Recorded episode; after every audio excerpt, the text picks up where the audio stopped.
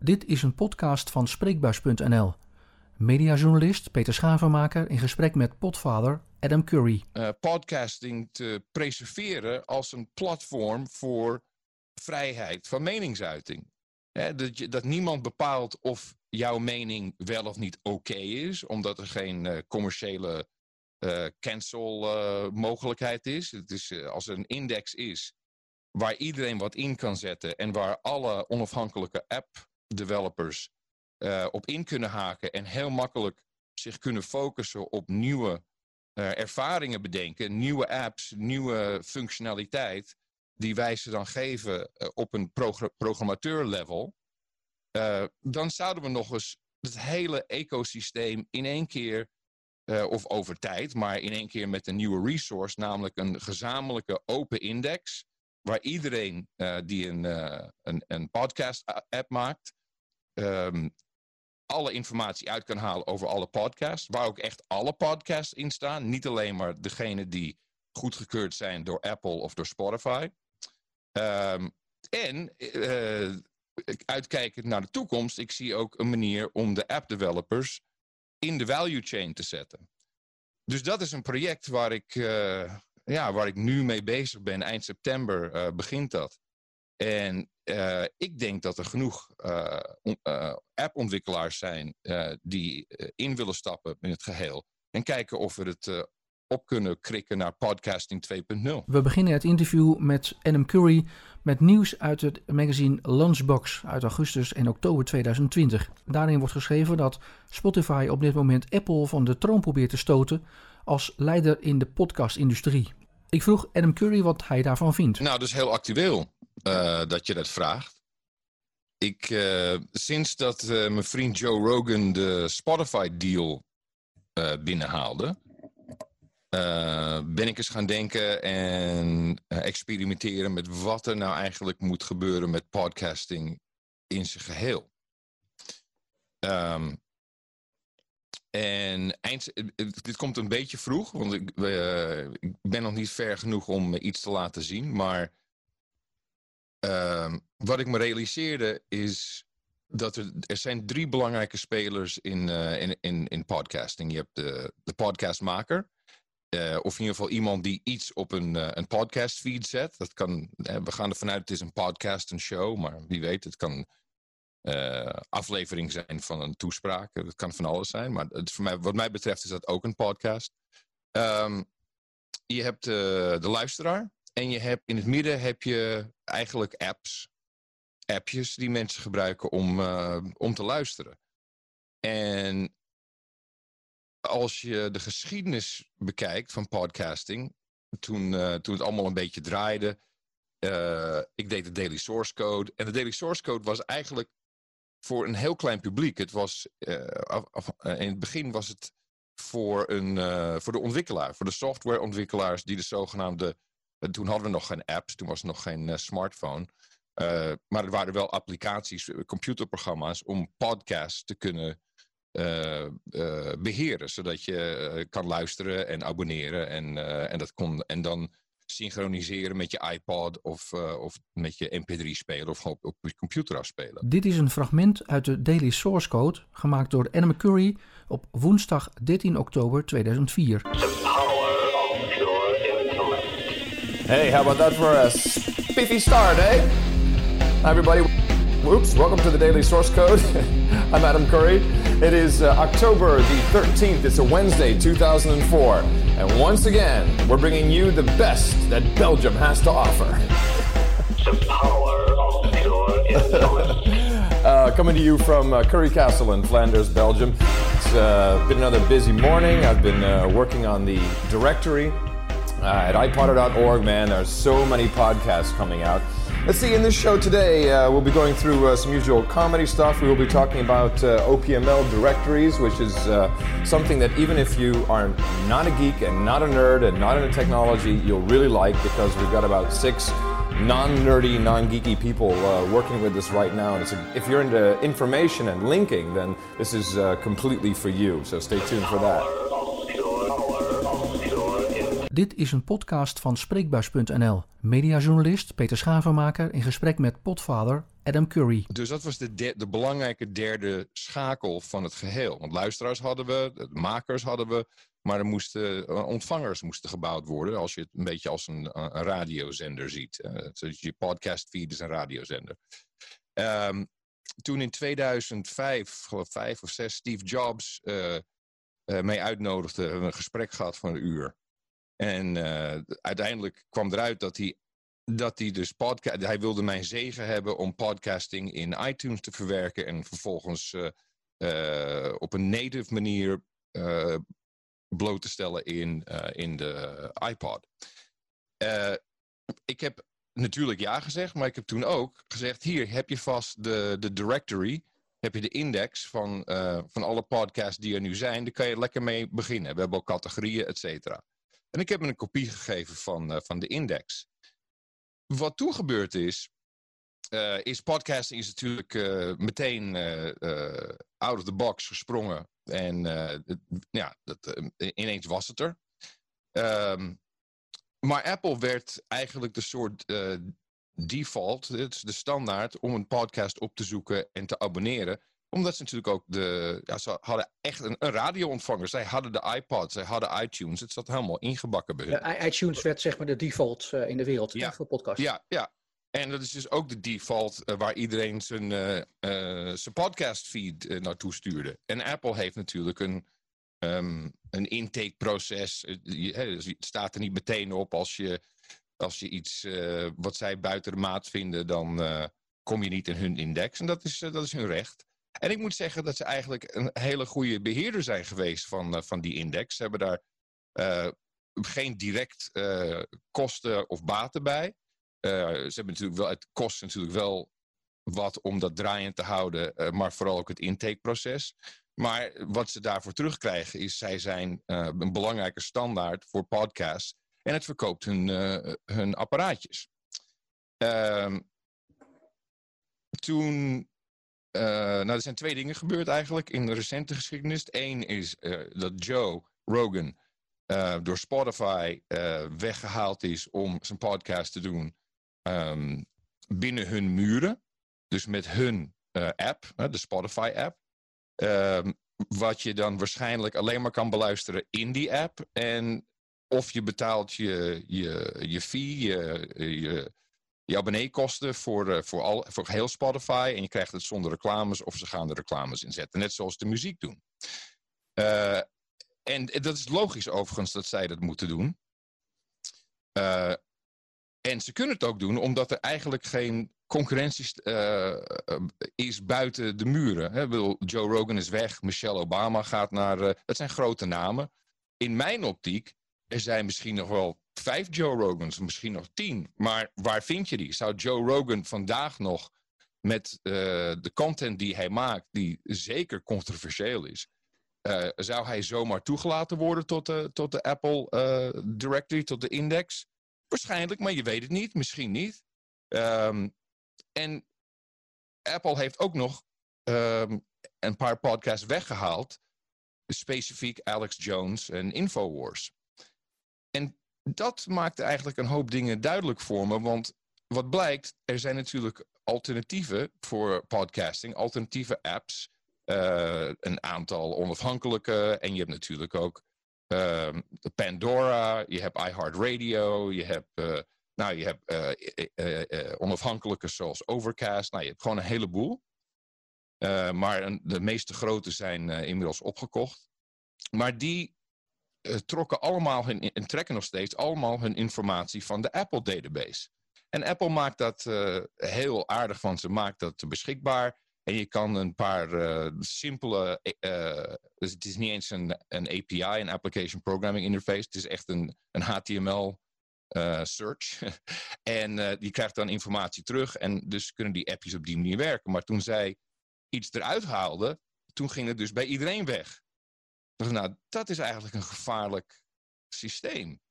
En uh, we kunnen nooit concurreren met een Spotify of Pandora of iHeart of wie dan ook ineens een podcast player of app gaat maken. Omdat er geen omdat de podcastmaker niet echt in de value chain zit. Dus bedoel, maakt iets beschikbaar en als iemand reclames heeft, krijgen ze er geld van. En als iemand op een donatiemodel werkt, krijgen ze, krijgt de, de appmaker daar geen, geen geld voor. En ze moeten heel veel werk doen om zo'n index op te zetten en bij te houden.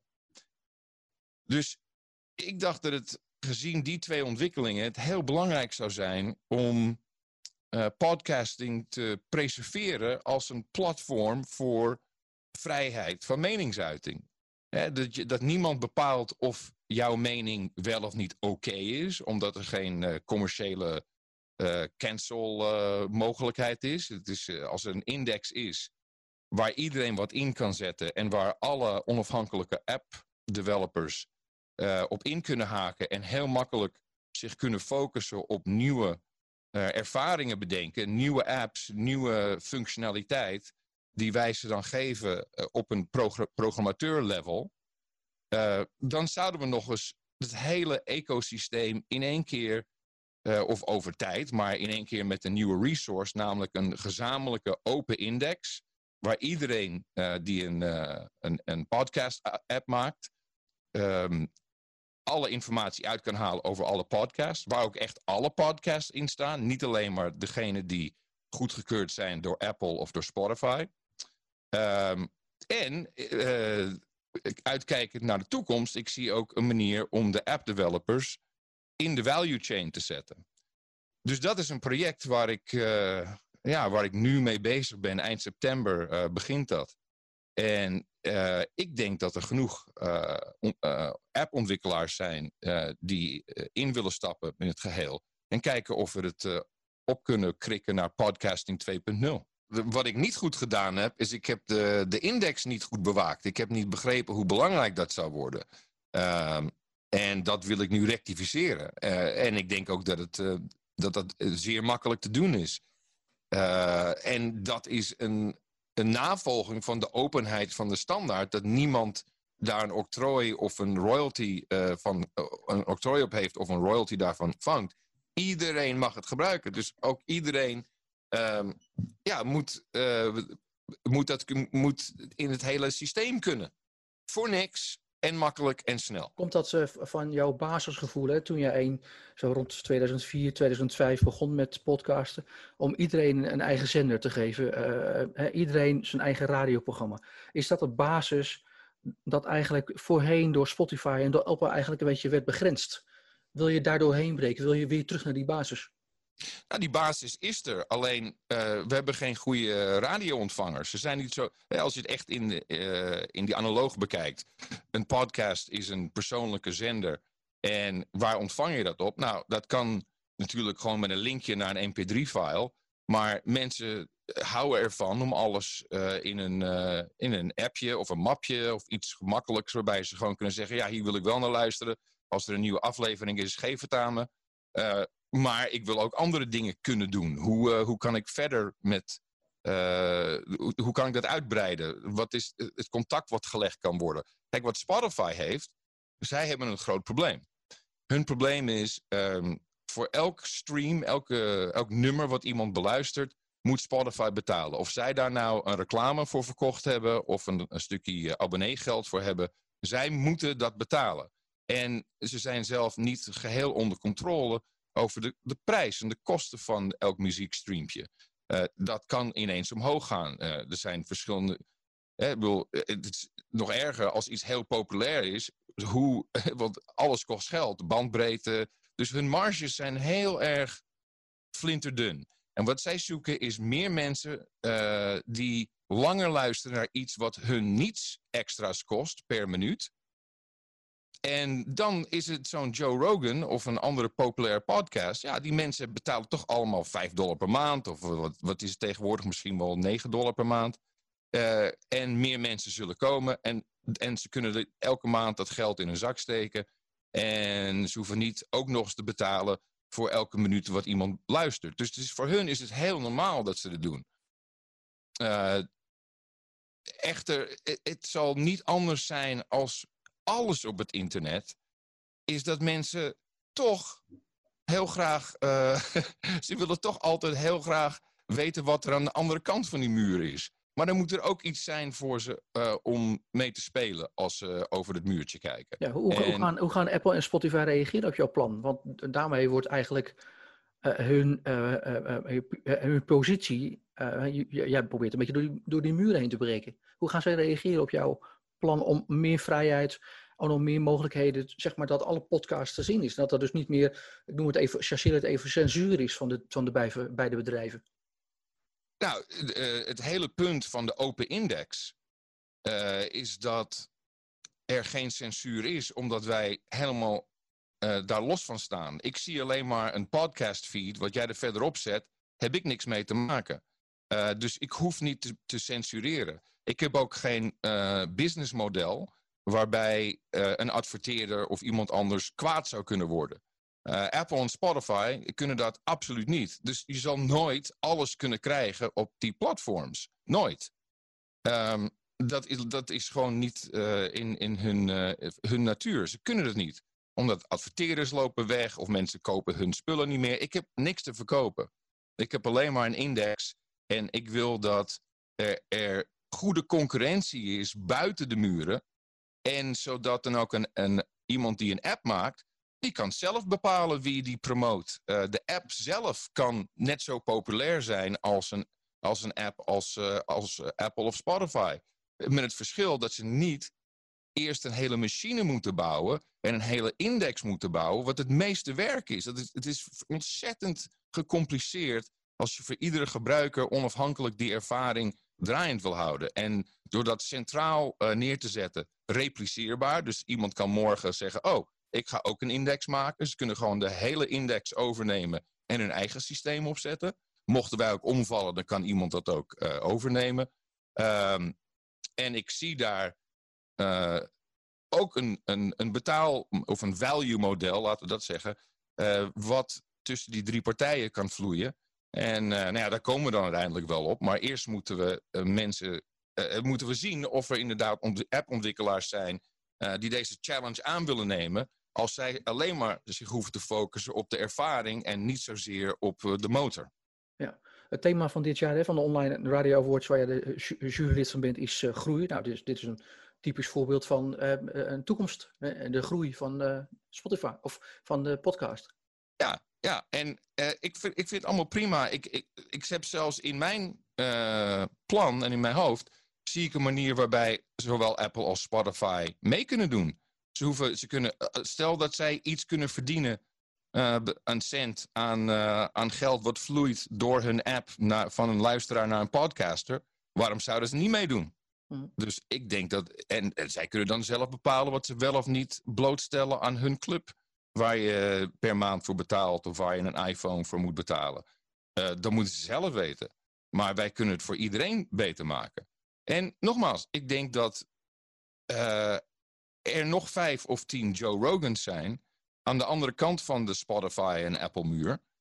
Ehm, en dat die op hun eigen manier, zonder een YouTube of een Google of een Patreon of al die andere manieren, dat ze zelf ook, en er zijn nu genoeg manieren om geld eh, te transferen, digitaal, eh, die zullen zich ontwikkelen. Elger van der Wel, de maker van de podcast Wie is de Mol? Trust Nobody en de Telekids Generatie podcast, zegt in een interviewserie over de Online Radio Awards op Spreekbuis.nl, podcast zullen steeds meer achter de betaalmuur verdwijnen. Ehm, nee, ik denk dat er heel veel achter de betaalmuur eh, zullen verdwijnen. Waarom niet? Dat, en dat is prima. Maar ik weet zeker dat zij allemaal moeten gaan vissen ergens. En misschien zijn wij dan een hele grote vijver. En als ze dan iemand eruit willen vissen, oké, nou, is ook goed. Voor, voor, voor die nog tien anderen. Ik zie geen tekort aan talent. Dit is een podcast van Spreekbuis.nl. Mediajournalist Peter Schavenmaker in gesprek met potvader Adam Curry. Die ontmoeting met eh, eh, Steve Jobs hè, en, en de manier waarop hij dat destijds heeft gepresenteerd op die eh, conferentie in oktober 2005 of 10 oktober. Mhm. Eh, wat heeft dat voor jou betekend dat hij dat destijds heeft gedaan? Dat die, die aflevering 180 van die Daily Source Code destijds op het podium. ja. Dat is een geweldig fragment. Heb ik trouwens eh, heb ik even audio van gemaakt, dus dat laat ik even horen. Adam Curry is uh, one of the guys that invented podcasting. And uh, he has a podcast called The Daily Source. Let me go ahead and subscribe to that. And uh, we can go listen to his latest one. you know, just click on it. your daily source code, show number 180. Something remarkable is happening here. Radio is springing free of the regulated gatekeepers who've managed what you can hear since radio was invented. It's jumping into the hands of anyone at all with something or nothing to say. With $16 million worth airplane strapped to my ass. And the next generation radio content in my ears. We don't need no stinking transmitter. I like to think I'm flying into the future. Podcasting. It's Adam Curry. That's right, it's show number 180, and it's Friday, everybody. Thank God. I've actually had to restart the show three times. My Mac has been acting up like a motherfucker. I don't know what's going on. I think it's uh, something to do with uh, the file system. Okay. Now, how do you how do you control, say, dirty stuff? I mean, uh, Uh, do you- we're going to have an explicit flag on these like we do the music so you can know if it's explicit. Eh, het was een van de ik bedoel, dingen die gingen in zo'n snelverstelling, een snelversnelling, zo'n snel Ehm, ik had inmiddels had ik heel veel publiciteit gehad voor podcasting. Er waren investeerders die belden of, eh, of ik geld nodig had. Ik wil echt uit Silicon Valley grote namen. Dus ik evalueerde dat ook. En toen, toen werd ik gevraagd of ik heb je tijd om met Steve Jobs even te ontmoeten. Eh, en ik heb een hoop mensen geïnterviewd en ontmoet. En eh, ik ben onder de indruk van vele van hen. Quincy Jones is een van de meest indrukwekkende mensen waar ik een uur mee gezeten heb. Ehm, en Steve Jobs, dat was voor mij, eh, ja, what the fuck, echt? Oké. Ehm, en ja, het- het was een heel persoonlijk eh, gesprek. Het was eh, over hij was, eh, dus hij, eh, achteraf begrijp ik dat hij bezig was met de iPhone. En dat zijn intentie niet was om het een phone te maken, maar het op wifi te laten draaien. Want hij, had, was aan het schreeuwen over, they fucked up wifi. En, en dit is kut en dat is kut. En eh, ik dacht bij mezelf, man, die moet niet zo, zo stressen. Daar kan je ziek van worden. En eh, je, je, merkt kleine dingen, dus dat hij een, een, lichte lisp had.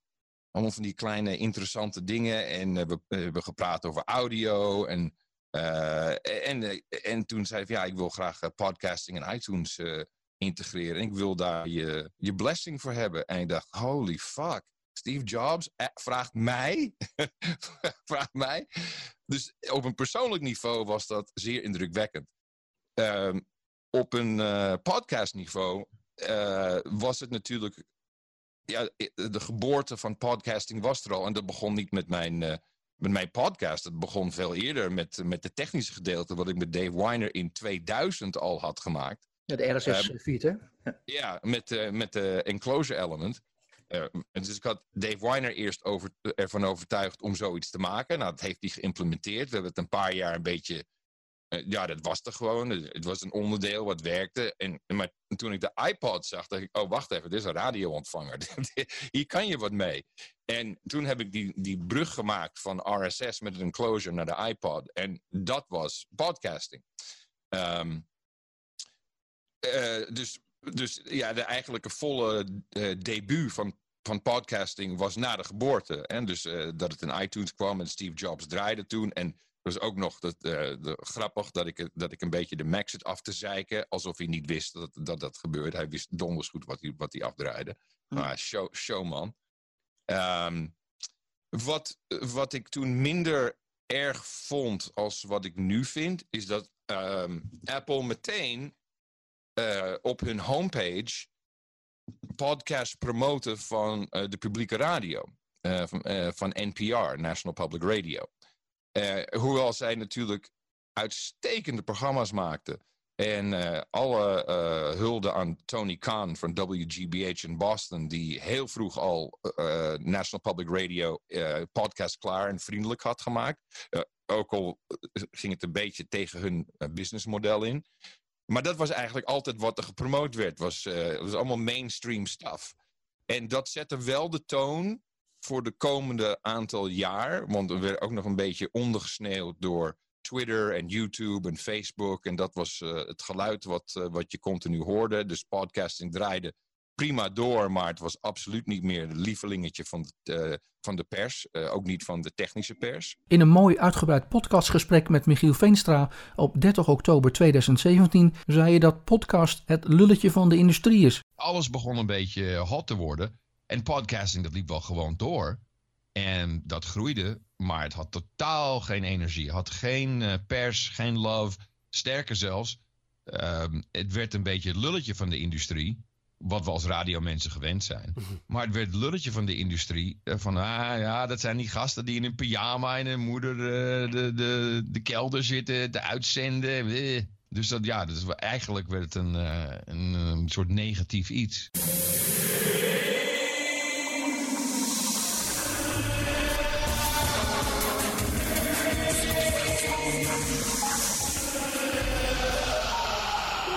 Veenstra, Veenstra! Ja. Ja, je letterlijk. Ja. Ja, ja, precies. Ik je, Ja. ik bedoel. Ten meer omdat ehm, Audio eh, een concurrent was van mijn podcast-netwerk toen, eh, Podshow. En zij maakte, voordat ze eigenlijk echt lanceerden, maakte zij een, een linksomkeer en, eh, en maakte ineens Twitter. Eh, dus dat was een, een, een, ontzettend, een, ja, een interessante pivot en dat kreeg heel veel aandacht. Dus wij, eh wij keutelen gewoon eh, door wat dat betreft. Maar uiteindelijk is door die beslissing is natuurlijk enerzijds te gek, want podcasting was een feit. Het was gelanceerd. Maar anderzijds het mooie van de duizenden onprofessionele, halfgelikte shows die super interessant zijn en heel anders zijn. eh, ja, die werden niet meer zo gefeatured. Je kon ze wel vinden, maar podcasting, dat was voor de eerste jaren, was, oh ja, dat is National Public Radio en mensen in hun kelder. En inmiddels zien we dus bijvoorbeeld Joe Rogan, dat dat niet waar is. Nou, ik, ik, eh, dus, dus ja, het was voor mij toen 100% waanzinnig te gek. En achteraf ehm, zie ik de fout dat ik de rol van de software developers eh, onderschat heb in het geheel. Het eerste krantenbericht over podcast was op 28 oktober 2004. Cyrus Farivar van de New York Times schreef: New food for iPods, audio by subscription. Ja, natuurlijk. Eh, dat was het mooie ervan. Is je kon alles zeggen wat je nu en nog steeds. Als ik een, op een eh, gewoon een radiozender nog zat, ik doe twee keer per week mijn podcast, was ik al lang ontslagen. Er zijn dingen die ik zeg die gewoon absoluut niet door, door de beugel kunnen voor of de, de norm of eh, eigenlijk de adverteerders. En dat is het grote probleem met eigenlijk alle technologie vandaag. Eh, en media, is dat zoveel ehm, helaas van de tech- technologie die we gebruiken, je smartphones met name, ja, is gebaseerd op een advertentiemodel. Dus, ja, dus daarom word je continu bespioneerd en bestudeerd en, eh, en worden er schaduwprofielen van je gemaakt. Meestal voor marketers, wat natuurlijk gretig door overheden wordt opgekocht voor hun eigen doeleinden. Maar eh, ja, ik het, is ondenkbaar, de onderwerpen, de, niet alleen maar over taalgebruik of controversieel of niet, maar de, de niche market. Dus als jij een, eh, een, een ik doe even een, een dom voorbeeld, maar een podcast over breien, maar het is alleen maar breien over links. Daar kan je een podcast voor beginnen, daar kan je een, een, een community omheen bouwen die dat ook support. Eh, In feite, je kan met duizend mensen een podcast beter onderhouden als die duizend mensen een klein, heel klein beetje steunen. eh, dan eh, eh, een miljoen mensen. Maar, maar die podcast index die jij, waar je nu mee bezig bent, die geeft natuurlijk de mogelijkheid waarbij mensen wel alles kunnen zeggen. Hè? De conventionele media, de publieke media die misschien vastzitten en de commerciële media met adverteerders. Eh, eh, in hoeverre is die, is die muur er nog tussen commercieel en publiek? Hoe, hoe zie jij dat bijvoorbeeld in Nederland tussen de NPO en de, en de, de, de commerciële omroepen, hoe zij met publieke of met podcasten omgaan? Hoe, hoe vind jij de verschillende rollen, hoe zij de, rollen doen? alle modellen zijn, eh, staan op een, op hun laatste been. Ik bedoel, als we heel eerlijk zijn, nieuws in het algemeen, zeker kranten, gedrukte pers, eh, is gewoon, dat model is voorbij. Ze hebben gewoon geen enkele manier om. eh, eh, een, een voorbeeld is dat de nieuwsindustrie in Amerika, ik weet niet hoe het is in, in Nederland, als het gaat over ehm, eh, kranten die online te lezen zijn die zijn vanaf het begin van de coronacrisis, zo eigenlijk de eerste vier, dus maar rond april, zijn ze in verschrikkelijke problemen gekomen, omdat het, de, de eh, alleen de discussie over COVID en de coronavirus was zo controversieel dat bijna alle adverteerders het woord COVID of corona geblokkeerd hebben in hun automatische advertentielijsten. Waardoor de nieuwsites ineens de grootste verhalen op hun voorpagina's geen inkomsten uh, kregen. En, en, ik dit is een probleem van wat, wat ze zelf gecreëerd hebben, maar zo erg is het. Dat, dat de adverteerders zijn bang om gecanceld te worden, omdat eh, online eh, op Twitter iemand eh, boos is. En nou ja, er zijn allerlei redenen waarom dat ineens algoritmisch omhoog geklopt wordt. En dan ja, dan pakt iemand het over en dan is het in de roddelbladen of in het nieuws. Of, dus ja, ze zitten met grote problemen. Dus het hele idee van producten aan de man brengen door adverteren online is niet zo makkelijk, blijkt.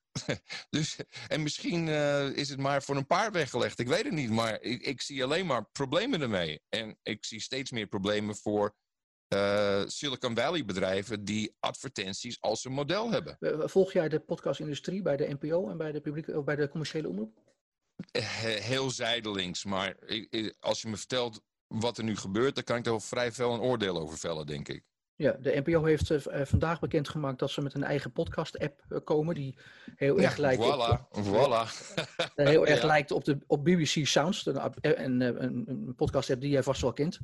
Waarbij alle audio-aanbod, radioprogramma's, eh, themakanaal en podcast bij elkaar uh, uh, komen. Je hoort Jure Bosman, directeur radio bij de NPO, tijdens de seizoenspresentatie van dinsdag 25 augustus 2020 uitleggen over de nieuwe app die de NPO lanceert voor radio. We bieden bovendien een dagelijks groeiend aanbod van podcasts, radioprogramma's die je luistert op je eigen moment. En ik heb een primeur voor je, Frans. Dit najaar lanceert de NPO een eigen podcastplatform. Een soort NPO Start voor radio. Wat vind je van dat initiatief? Stom. Ik bedoel, ik bedoel, ten eerste, wat mij betreft, is het allemaal al betaald door het publiek. Dus uh, het publiek zou compleet access moeten hebben aan alle data, alle onderliggende data, alle luisterdata, alles wat zij hebben. Uh, en, waarom, en waarom zij dat niet een open index maken is natuurlijk een raadsel. Maar ik denk dat dat komt door de zware politieke invloed van, uh, van de publieke omroep in Nederland.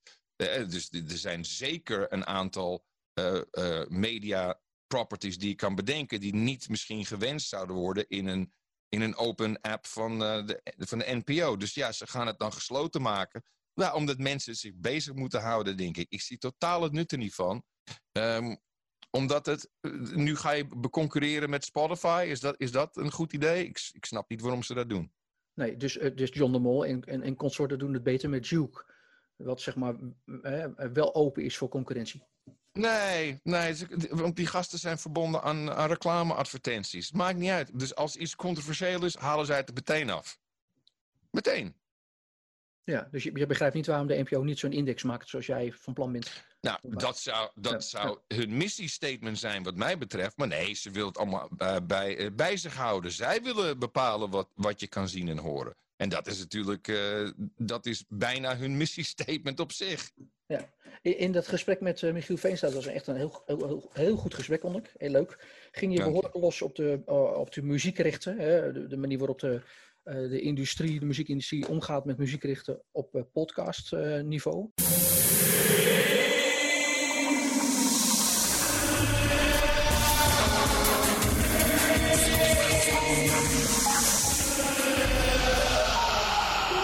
Veenstra, Veenstra! Er zou maar één reden zijn, uh, en ik heb wel mijn oog op, op bepaalde dingen.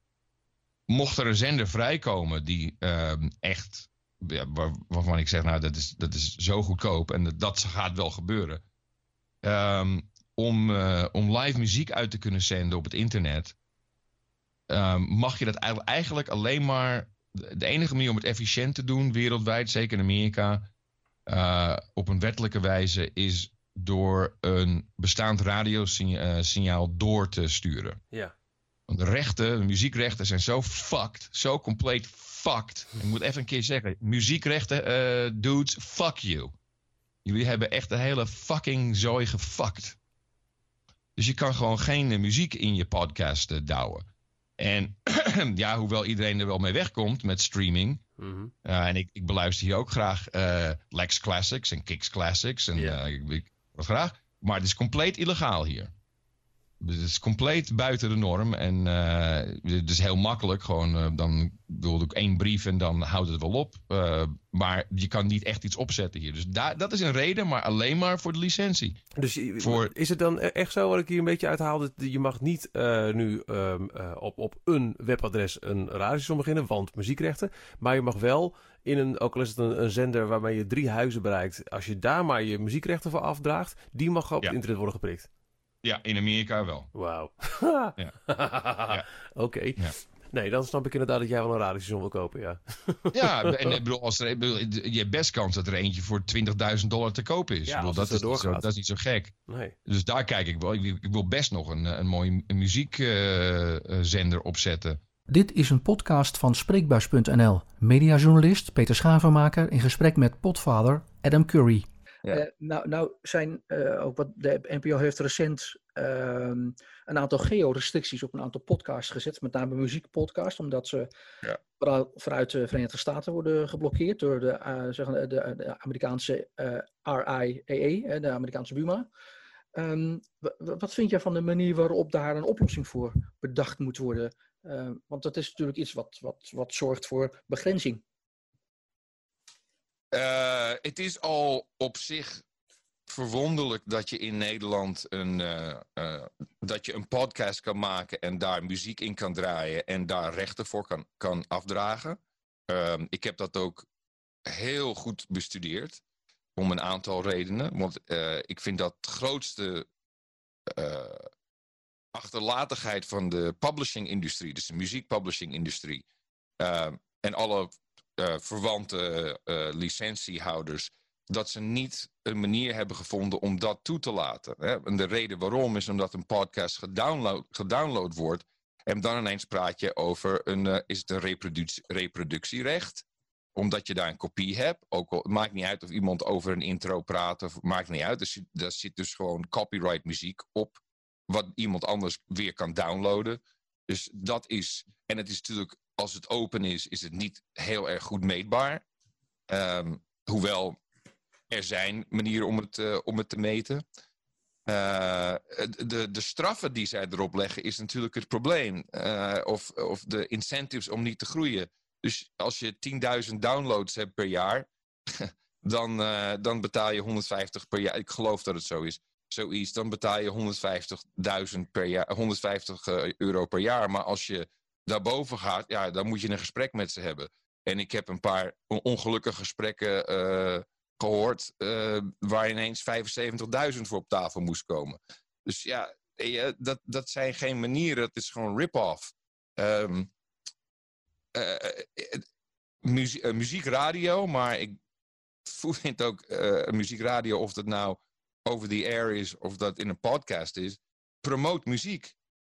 En daar moet een oplossing voor gevonden worden. Um, om dat op een landelijk niveau te doen, vind ik een heel goed begin. Maar nogmaals, succes wordt je niet uh, gegund.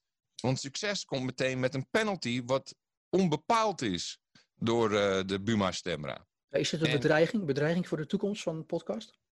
Nee, het is een bedreiging voor de muziekindustrie. Ze hebben het nou nog niet geleerd. We hebben het allemaal al bekeken. En nu is er eigenlijk geen geld meer te verdienen in, uh, in muziek. Zie Spotify. Ja, tussen zouden beter moeten weten. Ze hebben hun lesje wel geleerd met de downloads, hè? Nee, maar het interesseert ze niet. Ze hebben de... Want kijk, eh, voor Spotify...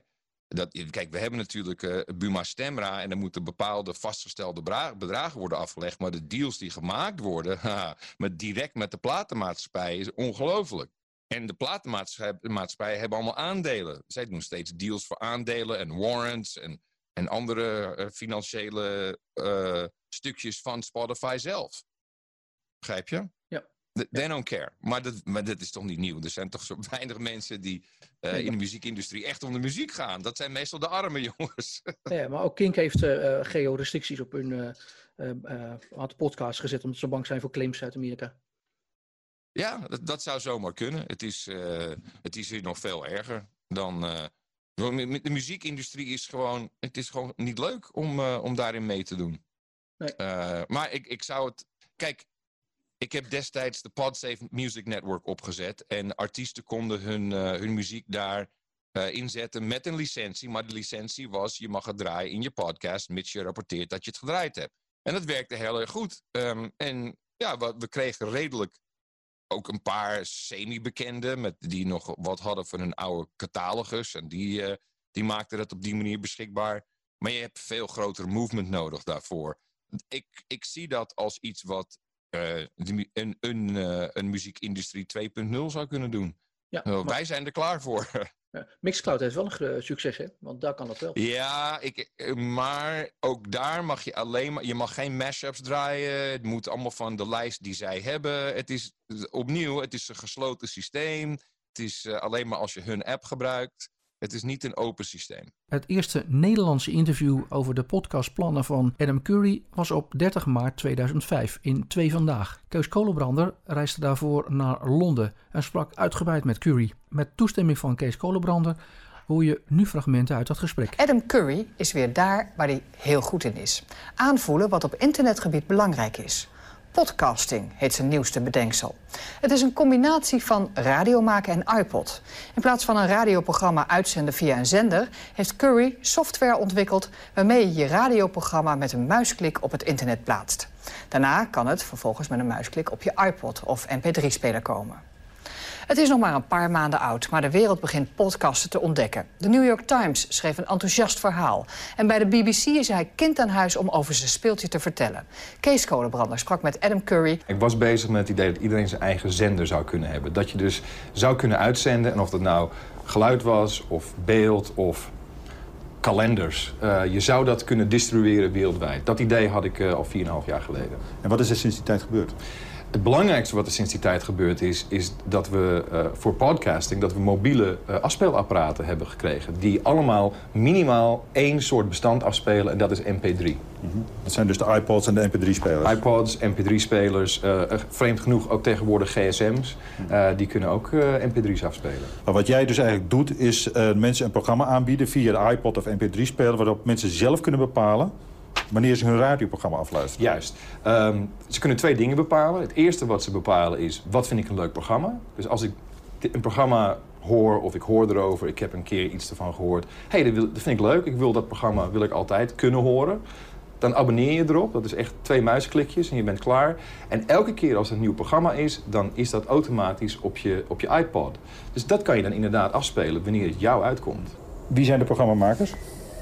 Mensen zoals jij en ik, uh, dat is het leuke, de drempel is weg. Iedereen kan uh, een programmamaker worden. Het grappige ervan is dat heel veel mensen de talent hebben, de creativiteit hebben... maar nooit een, een, uh, een distributieweg hebben gehad voor die creativiteit. We hebben nu een hele serieuze concurrent van radio in huis. We hebben een serieuze concurrent voor de manier waarop radio wordt gedistribueerd. Zeker.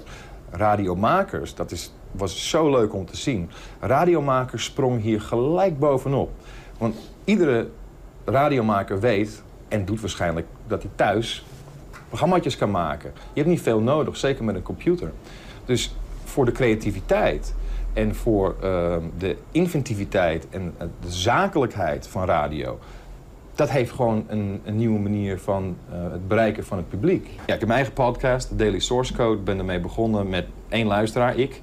Uh, in, uh, in augustus nu 80.000. Uh, en dat groeit, ja, dat is, soms is het wel 10% per maand. Just finishing up my Dutch interview. It's a beautiful, beautiful day in London. And I need to go to my next appointment for today, which is the TV Center. BBC TV Center. Hoe groot gaat het worden? ja, eh, net zo groot als dat het kan. Eh, dat, ik verwacht dat we, als we volgend jaar praten, dat we het over 5 miljoen hebben uh, in onze run-off network. Ja, ja, dat geloof ik zeker. zeker. Dat is wel een heel belangrijk punt. Op het moment dat het een naam had, op het moment dat het, de naam podcast er was, dat heeft, en dat is, ja, dat zijn dingen, dat, dat kan je niet sturen, dat gebeurt gewoon. Het is een sexy naam, het is een combinatie van iPod en broadcast. En mensen snappen dat. En, eh, en ja, dat is interessant. Oh, er is iets nieuws. Het heet podcasting. Is dat nog steeds zo? Vind je het nog steeds een sexy naam, podcast? Hey, ja. eh, het, het was een sexy naam. Toen werd het een beetje van, ja, maar het zit wel erg aan de, aan de iPod verbonden. En ik dacht, ja, who the fuck cares? En het bleek ook, who the fuck cares? Want volgens podcasting is everywhere. Ja, het is, het is een hele sexy naam eh, van een marketeer eh, standpunt. Ja, je, je, kan het bijna beter niet hebben. Het, is, eh, het staat in het woordenboek. Ja, zat jouw naam erbij als bedenker? Eh ligt eraan welk woordenboek je bekijkt. Ja, ja ik zei Dat net weet al, ik niet. eh, Nee, ik zei net al, de New York Times had je achter je staan, maar je was ook, zo, zo zeg je ook in, die, in dat interview, kind aan huis bij de BBC. Wat, wat, heeft, wat heeft de BBC jou gebracht? Wat betreft jouw, jouw naam als pot, potvader? Heel vroeg was de BBC erbij. Eh, die waren heel vroeg met, eh, met een interviewaanvraag. En ik zoek dat interview eh, al heel lang. De, de man die me geïnterviewd heeft, is inmiddels met pensioen en ik kan hem niet bereiken. Maar je, je kan zelfs horen in het stukje van Steve Jobs, is een stukje uit het interview van de inleiding waarbij hij zegt: Something is happening here. People with something or nothing to say. het was gewoon een prachtig stuk. En eh, ja, dus, eh, eh, dus ja, ik, kreeg heel veel steun van, van de BBC. En daar was, ik wel dankbaar voor. Dat, dat gaf, en dat was eigenlijk voor, voor Steve Jobs. Dus toen was de BBC was er al bij. En, en dat vond ik, zij vulden hun rol als publieke omroep heel goed in. En ze begonnen ook meteen te podcasten. Ja, en ze zijn nu eh, razend bekend om de podcast. Hè? Als je de, die, Zeker. die BBC Sounds eh, kijkt, dat staat vol met podcasts. Hele interessante. Maar waar moet trouwens een, een podcast voor jou al voldoen? Het enige waar het aan hoeft te voldoen is dat het een, eh, een RSS-feed heeft die werkt. En voor de rest, wat je erin doet, is niet aan mij om te bepalen of dat goed is of niet. Of dat het voldoet aan eisen. Dat is niet. Eh, dat is. eh, the beauty is in the eye and the ear of the beholder. Eh, Ben jij iemand die eh, alles luistert? Hè? Van tech en sport en, en, en business en cultuur. Eh, eh, wat voor soort podcast luister je? Ik ben. eh, ik heb het heel druk eh, buiten mijn uitzendingen om met het bekijken van eh, video.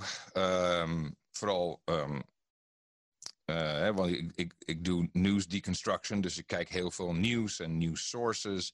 Eh, maar wat, daar, wat ik steeds meer heb, de laatste, ik doe het al 13 jaar met die show, No Agenda in de laatste vijf jaar merk ik dat ik steeds interessantere clips kan vinden eh, in een podcast waar de persoon die, eh, die geïnterviewd wordt eigenlijk iemand is die in het nieuws staat.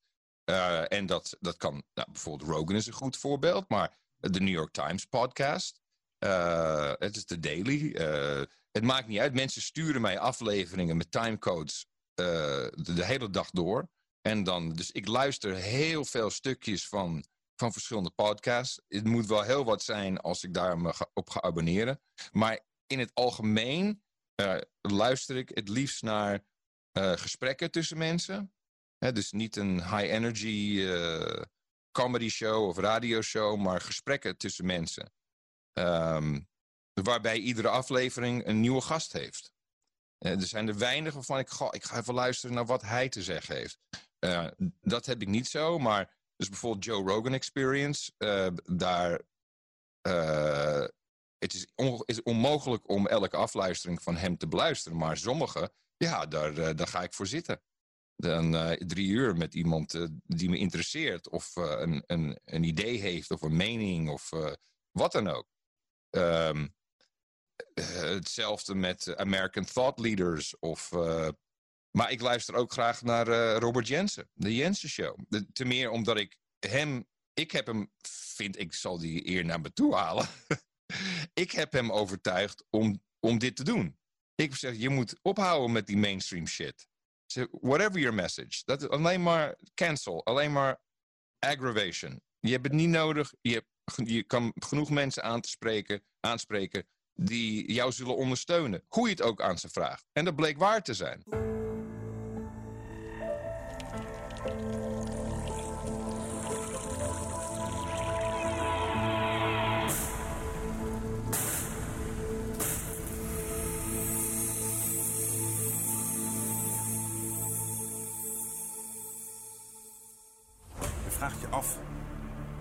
Gebeurt dit echt?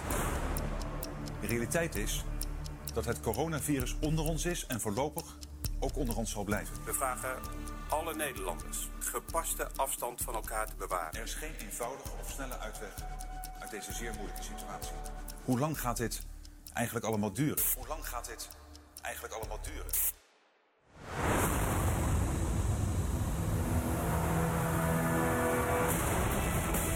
Welkom, strijders voor onze vrijheid en onze rechten. Dit is de Jensen Show. Robert Jensen. De vraag die ik het meest gesteld krijg de afgelopen tijd is: Jensen, we gaan toch gewoon weer een lockdown, hè? Denk je ook niet? Als ik eh, het zo volg, als ik het zo zie, als ik jou zo kijk, als je ziet waar die mensen allemaal mee bezig zijn. Het is toch gewoon een kwestie van tijd dat we weer een lockdown gaan. Denk jij dat ook?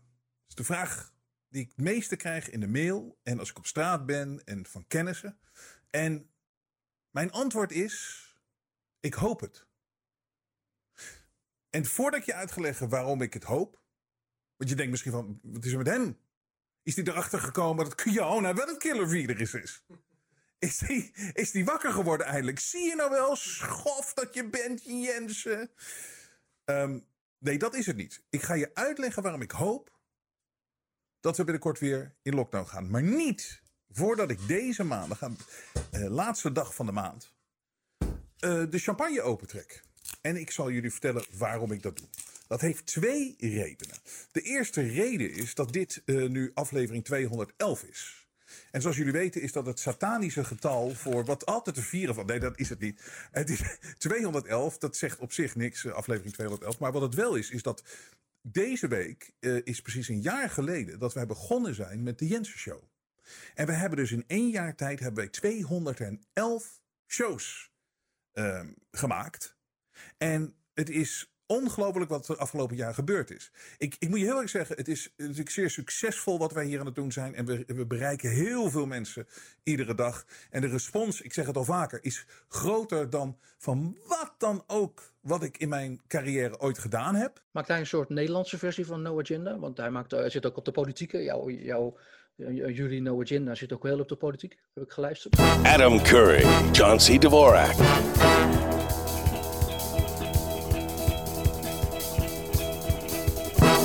This is No Agenda. Wij kijken meer naar wat de media zegt en wat de media presenteert over de politiek dan de politiek zelf. Uh, in dit geval gaat het natuurlijk, als je kijkt naar de tijden nu, vloeit dat natuurlijk heel veel samen. Hè? Dus uh, corona is een goed voorbeeld waarbij politici en de media hetzelfde zeggen. Waarbij een Maurice de Hond, de, mond de, de hond wordt de mond gesnoerd. Uh, blijkt achteraf, hij had gelijk. Uh, nou, dan kicken we hem ook nog eens af van uh, LinkedIn.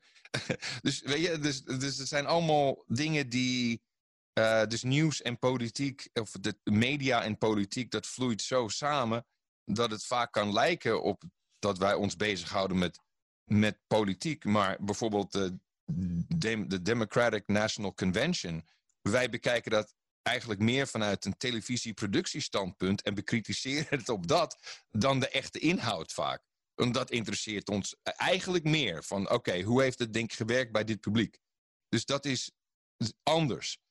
Robert, die heeft diezelfde kennis van hoe de media werkt, maar hij slaat dat over en gaat direct naar de politiek, naar de politiek toe. En ik vind dat interessant, omdat ik op die manier hoor ik uh, wat er speelt in Nederland. Uh, betekent niet dat ik denk, oh, hij heeft het juist. Sterker zelfs, wij spreken vaak en hebben uh, oneenigheid uh, over dingen soms, maar dat, maakt niet uit. Um, dan, dan, dat is een beetje mijn, mijn connectie met wat er, Nederland, wat er in Nederland gebeurt. En ik vind het een rijkere ervaring dan een beetje Twitter lezen of de Telegraaf. Ja, de samenwerking met John, hè? jullie maken al heel lang No Agenda. Hij, hij, zit in Silicon Valley, toch? Ja. En jij zit in Austin? Ja. Ja, hoe, hoe, hoe ontstaat zo'n programma? Hè? Want ik, ik, heb begrijp, ik begrijp uit mijn research dat je niet zo erg houdt van luisteraars, maar van, van producers. Zijn dat die producers die jou die uh, tijdcodes sturen, waardoor je uh, zeg maar je programma kunt ontwikkelen en, en, kunt bedenken en kunt samenstellen? De geschiedenis eerst. Ik, ik, ik, ik heb hem, we hebben ooit eens samen aan een pilot, televisiepilot gewerkt in, jeetje, ik wil zeggen dat dat misschien 91 was. Um, voor CNET, wat eerst een, een, televisieprogramma zou zijn. En dat werd later een website. En dat is later gekocht door CBS Interactive. Ik heb zelfs CNET.com heel lang uh, geregistreerd. Nou, dus daar leerde ik hem kennen. een, gewoon een, een, handdruk. En ik was onder de indruk van... Hij deed een soort rondtafel... Uh, roundtable uh, technology discussion. Ik dacht, oh, die gozer die weet precies wat hij, hij kan goed tv, hij kan goed radio. Nou, toen... Um, waren we allebei op een panel. Ik denk This Week in Technology of iets. En, en ik geloof tussen de reclame of na de show zei hij... What's your deal, Curry? Some people think you're an asshole. Ik zeg, ja, some people think you're an asshole. En nou, dat klikte heel erg goed. En um, we zijn toen re regelmatig gaan skypen. Ik, ik werkte... Ik woonde toen in, in Engeland en ik ging heen en weer van Londen naar San Francisco als ik daar was, gingen we even eten, even bijkletsen. En anders één keer in de week op Skype. Um, en nu heb je het over um, 2006, 2007. Ja, 2007. Um, ik, ja, dus dan, dan las ik een beetje voor uit de kranten. En het, het was net de. We hadden net het Lisbon, uh, verdrag van Lissabon gehad. Wat natuurlijk. jullie ben niet goed gestemd, idioten. Stem, stem over. dus daar hebben we erg, erg om gelachen. En ik, ik begon steeds meer te zien dat de media niet het nieuws uh, voor, rapporteerde als dat het echt gebeurde. zeker toen ik de protocollen van het verdrag van Lissabon las en hoe dat eigenlijk zit met de politierechten in de EU. Wat de zogenaamde grondwet moet zijn. En, en dus wij we gingen meer praten over een beetje ja, hoe het echt werkt in politiek. Hij is ouder dan ik, dus hij heeft meer ervaring. En op een gegeven moment zeiden we, weet je, waarom nemen we dit gewoon niet op? we, willen toch een half uur. Neem het op, we noemen het een podcast. Oké. En dat was het begin. En toen zeiden we, too sterk, we doen nooit jingles, geen rare opening, gewoon een gesprek tussen twee gasten. En dat begon al heel snel anders te worden, we zijn ook nog radiomannen. Um, en toen begon het uh, heel erg op werk te lijken. Want we moesten hoop bekijken, hoop uh, opnemen, doornemen, lezen. Mensen stuurden allerlei uh, dingen op. Zeiden van nou, wij we willen het best doen, maar jullie moeten het ondersteunen. We kunnen nooit met reclames werken, want niemand wil... we zijn niet brand safe, hè, dat is het woord. Um, dus jullie moeten geld sturen. En de pitch was een beetje anders. We, vroegen niet om een een vast bedrag per maand of een abonnementskosten. En we zeiden, nou, hier is de PayPal. Wat vond je het waard? Je hebt nu geluisterd, uh, nou, een half uur. Je had ook een half uur televisie kunnen kijken of, uh, of iets anders kunnen doen. Misschien even gamen. Nou, wat kost dat? Wat is het je waard? bedoel, voor de een is een half uur van zijn tijd niks waard om terug te geven, want het was, was me gewoon niet waard. Uh, voor een ander is het 1 dollar, voor een ander is het 1000 dollar. Dat blijkt, want dat zagen we ineens gebeuren. En daarna zeiden we: oké, we zullen nooit genoeg geld binnenhalen om dit te, te draaien zoals een, een radioprogramma op scale en formaat van, van dit genre moet draaien met een redactie en met producenten en nou ja, uh, uh, mensen die in verschillende plekken van de wereld verslag kunnen uitbrengen, mensen die verstand hebben van verschillende industrieën. Dus uh, je kan ook bijdragen op die manier door te produceren. Sterker zelfs, jullie zijn allemaal producers. Iedereen heeft iets wat zij beter weten als de ander. Als, een, als er een topic komt en jij weet iets over, stuur ons wat. Of als je een clipje ziet, of, of een nieuwsitem, stuur het ons. En dat is gewoon uh, uitgegroeid tot ja, nu meer dan 13 jaar No Agenda. Um, En eh, twee keer per week. En, eh, en wij, eh, eh, wij hebben twee families die eten. En de kinderen eh, zijn allemaal goed en gezond. En eh, hebben school gedaan en wat ze willen. En wij krijgen precies wat wij verdienen te krijgen. Wij krijgen de value uit ons value for value system. Net zoals een ander die daar waarde, value van krijgt door de informatie die wij behandelen of wat wij bespreken. Ja, hoeveel, en dat uur, is voor hoeveel, uur sommige per mensen. week, hoeveel uur per week ben je daarmee bezig met het programma? Eh, de programma's zijn meestal drie uur lang en we doen het twee keer per week, dus eh, eh, donderdag en zondag. De- we, we nemen het in één keer op, live, we streamen het ook live, dus het is ongemonteerd, het is allemaal in één, in, eh, direct to tape. Eh, en ik ben daar, eigenlijk is mijn hele leven daaromheen gebouwd. Dus alles wat ik zie of hoor, dat wordt gedocumenteerd. We hebben een eh, content management systeem gebouwd, wat eh, redelijk eh, veel doet. En, en echt alle data managed. En alle verhalen. En we hebben ook onze show notes. We hebben onze eigen zoekmachines. we hebben zoveel informatie door de jaren verzameld. Het is echt een heel ding geworden. En ook al, alles. Dus produceren hoeft niet alleen maar te zijn dat je ons informatie stuurt. We hebben mensen die hele websites voor ons maken, search engines. eh, de hele infrastructuur is, eh, is een content delivery network op, eh, op zijn goedkoopst. Eh, wat ongelooflijk is. Eh, wat wij betalen eh, voor bandbreedte, et cetera. Voor het aantal eh, bandbreedte wat we gebruiken. Is, eh, is, is echt fantastisch. Dat komt omdat we allemaal mensen hebben op plekken die onderdeel zijn van, van ons netwerk, zoals we dat noemen. En, eh, en, en dat is hun bijdrage. Was het een voorwaarde voor je dat het, dat het ongemonteerd eh, eh, eruit moet? Ik, ik kan het niet anders. Eh, Ik, ben zo opgegroeid. Ik vond het bij Countdown. deden we. De eerste seizoen was live. Nederland 2, 7 uur. Ik geloof zondagavond. Half Nederland keek. Bam. Weet je? En dan was je klaar. En dan kon je alleen maar zeggen. Volgende keer beter. Als het niet goed was. Of, ai, te gek. Alright. Maar sowieso. We hebben over drie dagen weer een. Hè? Dus, eh, dus, en ik, hou ervan in plaats van opnemen, mieren neuken, eh, ditje, datje, dan ineens, oh, haal dat er maar uit. Nee, nee, nee. Wat we gezegd hebben, hebben we gezegd. Wat we gedaan hebben, hebben we gedaan. En het maakt je ook menselijk. Ik maak hartstikke veel fouten. I fuck it up all the time. En mensen vinden dat fantastisch. Ja, zou zo'n show in Nederland kunnen? Ja, tuurlijk. Eh, er zijn genoeg van dit soort shows. Eh, ik kijk naar de TPO-podcast, eh Roderick Velo. Ja, dit zijn de Alpen. Het kan altijd flink stormen. Maakt het wel weer zo spannend. This is the TPO podcast. Preventief fouilleren in de stad van hoop. Hoe doe je dat? En dan stel ik de driehoek voor dat wij proefsgewijs het middel gaan inzetten. Hoeveel redenen zijn er om het geweld in Amerika te stoppen? Restaurants were burned down. The beauty supply was looted and burned down. Um, pretty much this whole strip burned except the church. En Donald Trump, favoriet bij Democraat van kleur. As you can see, I'm a man of color, and I'm a lifelong Democrat too. But I believe that Donald Trump is the president that America needs to lead us forward. Aflevering 189. Ranting and Reason. Bert Bresson, Roderick Phalo. This is the award-winning TPO podcast.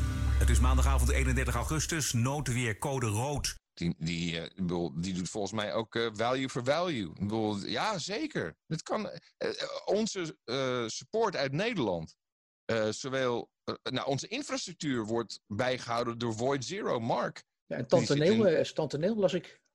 Tante Neel doet artwork. Ja? Eh, we hebben ook, dus elke aflevering heeft een nieuw, eh, een nieuw plaatje.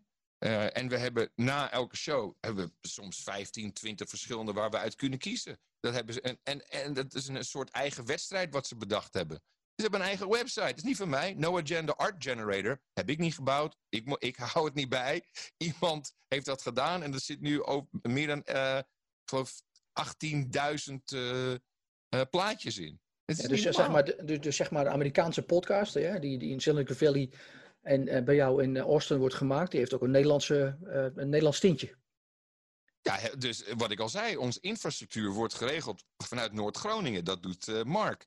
Ehm, eh, we hebben onze. Ik geloof zelfs dat Tim, eh, dat onze nieuwe website, dat die, dat die jongen ook in Nederland is.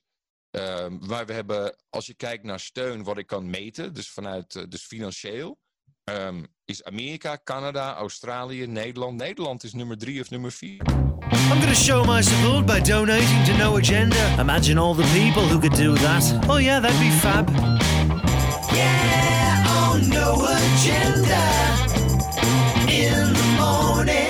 Dit is een podcast van Spreekbuis.nl. Mediajournalist Peter Schavenmaker in gesprek met potvader Adam Curry. Welke Europees land is nog meer een podcastland? Ik las dingen over Zweden, dat daar ook behoorlijk eh, podcastcultuur is. Ja, dat weet ik niet. Ehm, ik ga ervan uit dat het overal cultuur is. Dat, dat kan niet anders. Bedoel, het is, het is, mensen zijn zo gretig. Eh, dus wat ik ook, wat, wat ik het mooiste vind, de, de mooiste ontdekking, is dat in tegenstelling tot radio en televisie mainstream, dat men de lange, de long form, een discussie van twee uur of een, een onderwerp, dat mensen dat heel graag willen horen. En dat ze zomaar twee of drie uur van hun tijd opgeven, omdat ze dat willen horen. Het hoeft niet allemaal. Dat hoeft niet allemaal. Het kan gewoon rustig, kan je een gesprek hebben. En mensen willen het graag beluisteren. Ja, het moet ergens over gaan. Hè? Dat, dat is wat mensen prettig vinden, denk ik. En, en laten we, laten we uh, onthouden. Podcasting uh, heeft een, een, een tweede push gekregen door Serial. En dit was een formaat wat contra alles ging van binge-watching. Dus we hadden Netflix, binge-watch, oh my god, uh, Breaking Bad, House of Cards... Ik heb het hele seizoen in drie dagen bekeken. En ineens kwam daar een podcast die je liet wachten een week. Ja, je kan, kom je er net bij? Oké, je kan de eerste twee afle afleveringen beluisteren. Maar dan moet je wachten tot wat er volgende week gebeurt. Nou, mensen waren verslaafd. Kan niet wachten. I'm refreshing every time. Dus ineens was daar een compleet contra-stroming. Uh, wat, wat iedereen aansprak. En dat is ook gewoon een programma van een uur. En dat is misdaad, uh, crime. We weten mensen. Dat is, dat is de nummer één um, genre, wat mij betreft, op het moment in podcasting, is misdaad. misdaad, crime en, en, uh, en mystery. Ja, en welke luister je dan? Welke podcast? Geen enkele. van de crime en mystery geen enkele. Nee. Uh, nee, nee, nee. Dus wat ik al zeg, ik, ik luister gewoon een, een paar podcasts waar, uh, waar ik de host goed vind en, uh, en, uh, en de gasten interessant vind. Als ze gasten hebben of het topic. Hier is mijn lijst. American Thought Leaders. Brad Weinstein, Dark Horse Podcast. Brad Weinstein maakt dat samen met zijn vrouw. ze zijn allebei professor biologie. Um, maar bekijken sociale biologie, dus bekijken alles vanuit alles wat er sociaal. Het zijn, uh, zijn, uh, zijn borderline socialisten, maar ontzettend intelligent. En ik luister met, met genot naar, naar hun analyse. ik ben geabonneerd op Café Weltschmerz. maar er komt zoveel binnen dat ik eigenlijk nooit echt bij kan houden. Uh, maar ik vind uh, de, de, de mensen die ik daar. Want ik, ik luister alleen. Ik, heb geen ik wil iets anders doen. Ik luister als je. Het moet een podcast voor mij zijn. Niet een YouTube-video. Um, dus uh, dat houdt me ook erg connected met, met Nederland. Ken je de, de podcast? Nee, Café Oh, oh, dat is een soort community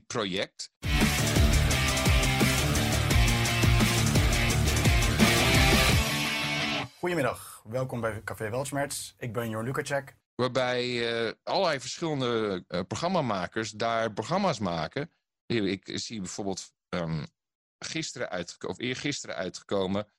Uh, dataonderzoeker Maurice de Hond keek afgelopen week met stijgende verbazing naar de persconferentie van premier Rutte. Dus daar, daar heb ik de hond ook gezien met zijn, met zijn verhaal. hoe die gemarginaliseerd werd.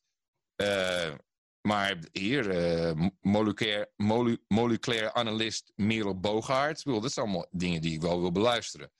Uh, dan Congressional Dish. Dat is uh, Jennifer Briney.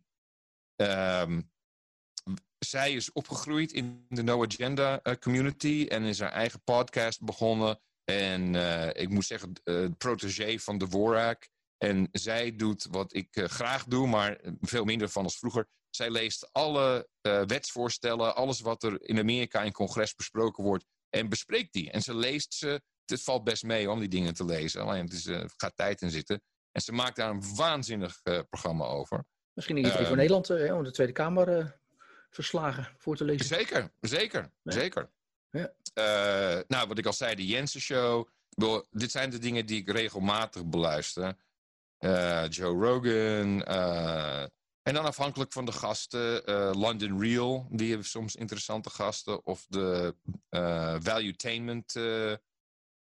Patrick Bet David, die heeft ook vaak interessante gasten. Dus dat soort dingen, weet je wel, daar, daar kijk ik naar. Maar niet echt een een nieuwspodcast of entertainment podcast. Dat, nee, dat, dat, dat, luister ik niet naar. Nee. Maar ik probeer, uh, bijvoorbeeld hier heb ik World Economic Forum. Ik wil graag weten wat de lizard people aan het doen zijn. Dus abonneer ik me op hun podcast. En luisteren wat Klaus Schwab te vertellen heeft. Hoe de Great Reset komt, dankzij corona. Ja. Dus je moet even alles bijhouden. En het is het mooie ervan. Ik kan luisteren naar Jensen en twee seconden later overschakelen naar de elite uh, Klaus van de World Economic Forum. Uh, mijn droom is uitgekomen. Op 26 januari 2018 kreeg Adam Curry de Marconi Oeuvre Award tijdens het Gouden Radio Ring Gala. Hij kreeg de award uitgereikt door Frits Spits. Je hoort fragmenten van de uitreiking. Een icoon uit de Nederlandse radiowereld die een hele generatie inspireert. Die een unieke, uit duizenden herkenbare stijl heeft en die daar nu eindelijk eens voor beloond moet worden. De Marconi Oeuvre Award 2017 is voor Adam Curry. Beste Adam, uh, toen men mij vroeg of ik jou vanavond de Marconi Oeuvre Award wilde uitreiken, hoefde ik daar niet heel erg lang over na te denken. Ik doe dat maar al te graag. Uh, niet omdat ik je carrière altijd even intensief gevolgd heb, dat heb ik niet. Dat komt natuurlijk ook door die oceaan van tijd die er tussen de jaren 80 en nu ligt. Onze eerste ontmoeting en deze van vanavond. Het komt door een karaktertrek die jij hebt en die in Nederland uniek genoemd kan worden. Wij zijn immers nogal een bot volk. En schromen niet om een ander eens flink de waarheid te zeggen. Maar jij bent anders.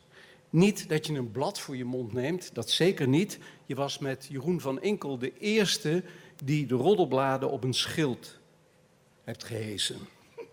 Je bent niet bang om voor je mening uit te komen? Ik heb gekeken naar een paar uh, winnaars van deze oeuvreprijs. En uh, bijna allemaal zeggen ze: Goh, als je een oeuvre ontvangt, dan sta je met één been in het graf. Ik zelf vind dat als je naam op zoiets staat, dan leef je voor de eeuwigheid. Ik ben echt zeer vereerd met, uh, met deze prijs. Ik wil even een aantal mensen bedanken en ik doe het gelijk met mijn verhaal 40 jaar. En ik doe het gelijk met mijn verhaal 40 jaar radio. Het begint toen ik 15 jaar was. Mijn moeder, die hopelijk meekijkt, uh, die was maar al te blij om uh, in de auto het dorp rond te rijden om te kijken hoe ver mijn zelfgebouwde zender rijkwijde had. En ik ben, ik ben zo dankbaar. Dank aan de vakjury voor deze award. Jullie omschrijving van mijn oeuvre raakte me, vooral mijn werk in online radio. Want erkenning voor technologische, technologische ontwikkelingen zijn er nauwelijks. En zelfs... Nee, ik ben bijna klaar. En zelfs bij de Oscars wordt het niet uitgezonden. Dus ik dank ook mijn mede-uitvinder van uh, podcasting, Dave Weiner. Ik dank Steve Jobs met Weilen uh, voor het uh, integreren van podcasting in iTunes, de iPod en iPhone. Mijn compagnon bij de No Agenda Show, John C. Dvorak. Onze duizenden producers. In Nederland zeggen we gelukkig nog dat we radio maken en niet van ik zit op de radio. Dat is heel belangrijk. Radio maken is tegelijkertijd een vaardigheid en een kunst. Een performance die je maakt voor één persoon, want elk luisteraar ervaart jouw kunst als een persoonlijk contact. Een contact dat internet een two-way street is geworden. De luisteraar heeft tegenwoordig alle tools die nodig zijn om bij te dragen aan het product. Ik noem ze al tien jaar geen luisteraars meer, maar bij de No Agenda Show zijn het medeproducenten. Ze produceren niet alleen maar de inhoud en de vormgeving, maar betalen ook voor het onderhoud van de radiomaker zelf. Uh, ik ben niet vies van commercie, um, maar er zijn veel meer productie- en verdienmodellen mogelijk dan ooit.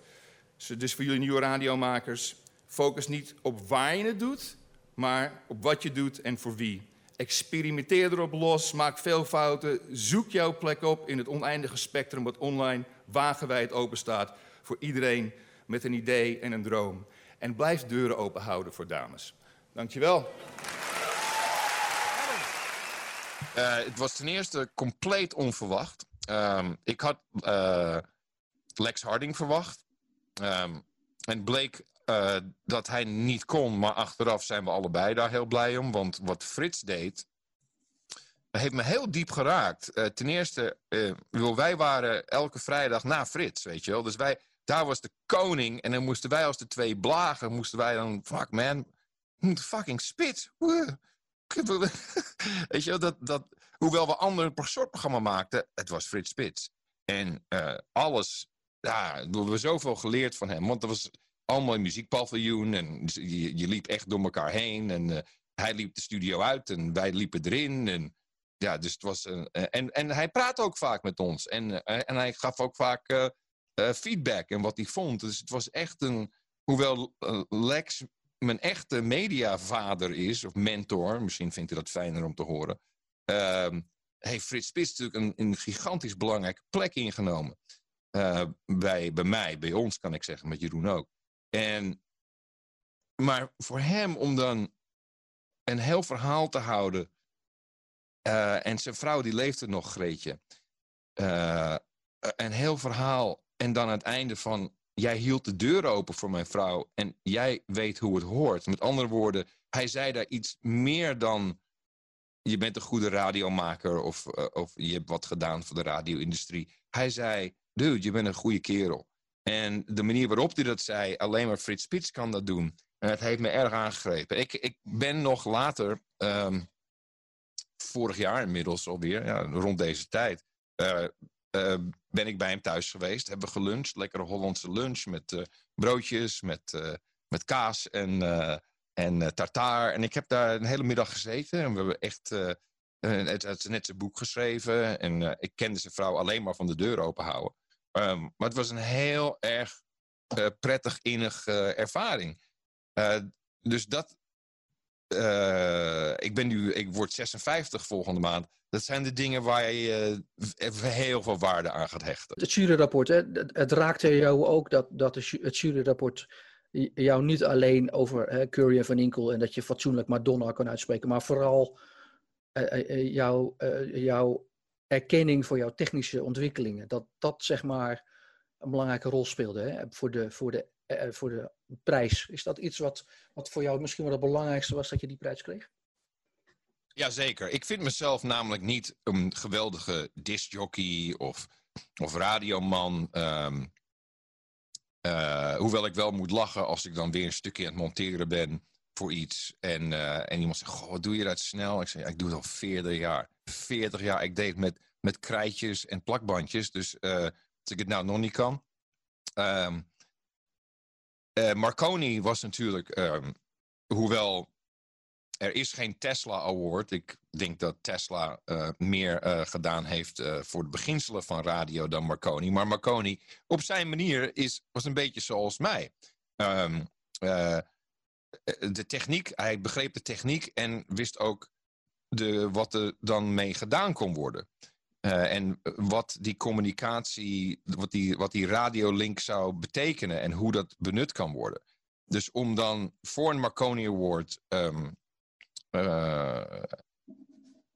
om een Marconi Award te ontvangen en waarbij ook nog een technische kant aan het verhaal zit, want dat is het. Um, wat mij betreft in lijn met, uh, met Marconi's radio-ontdekking is, is ik denk een grotere eer dan de, dan de jury zelf wist.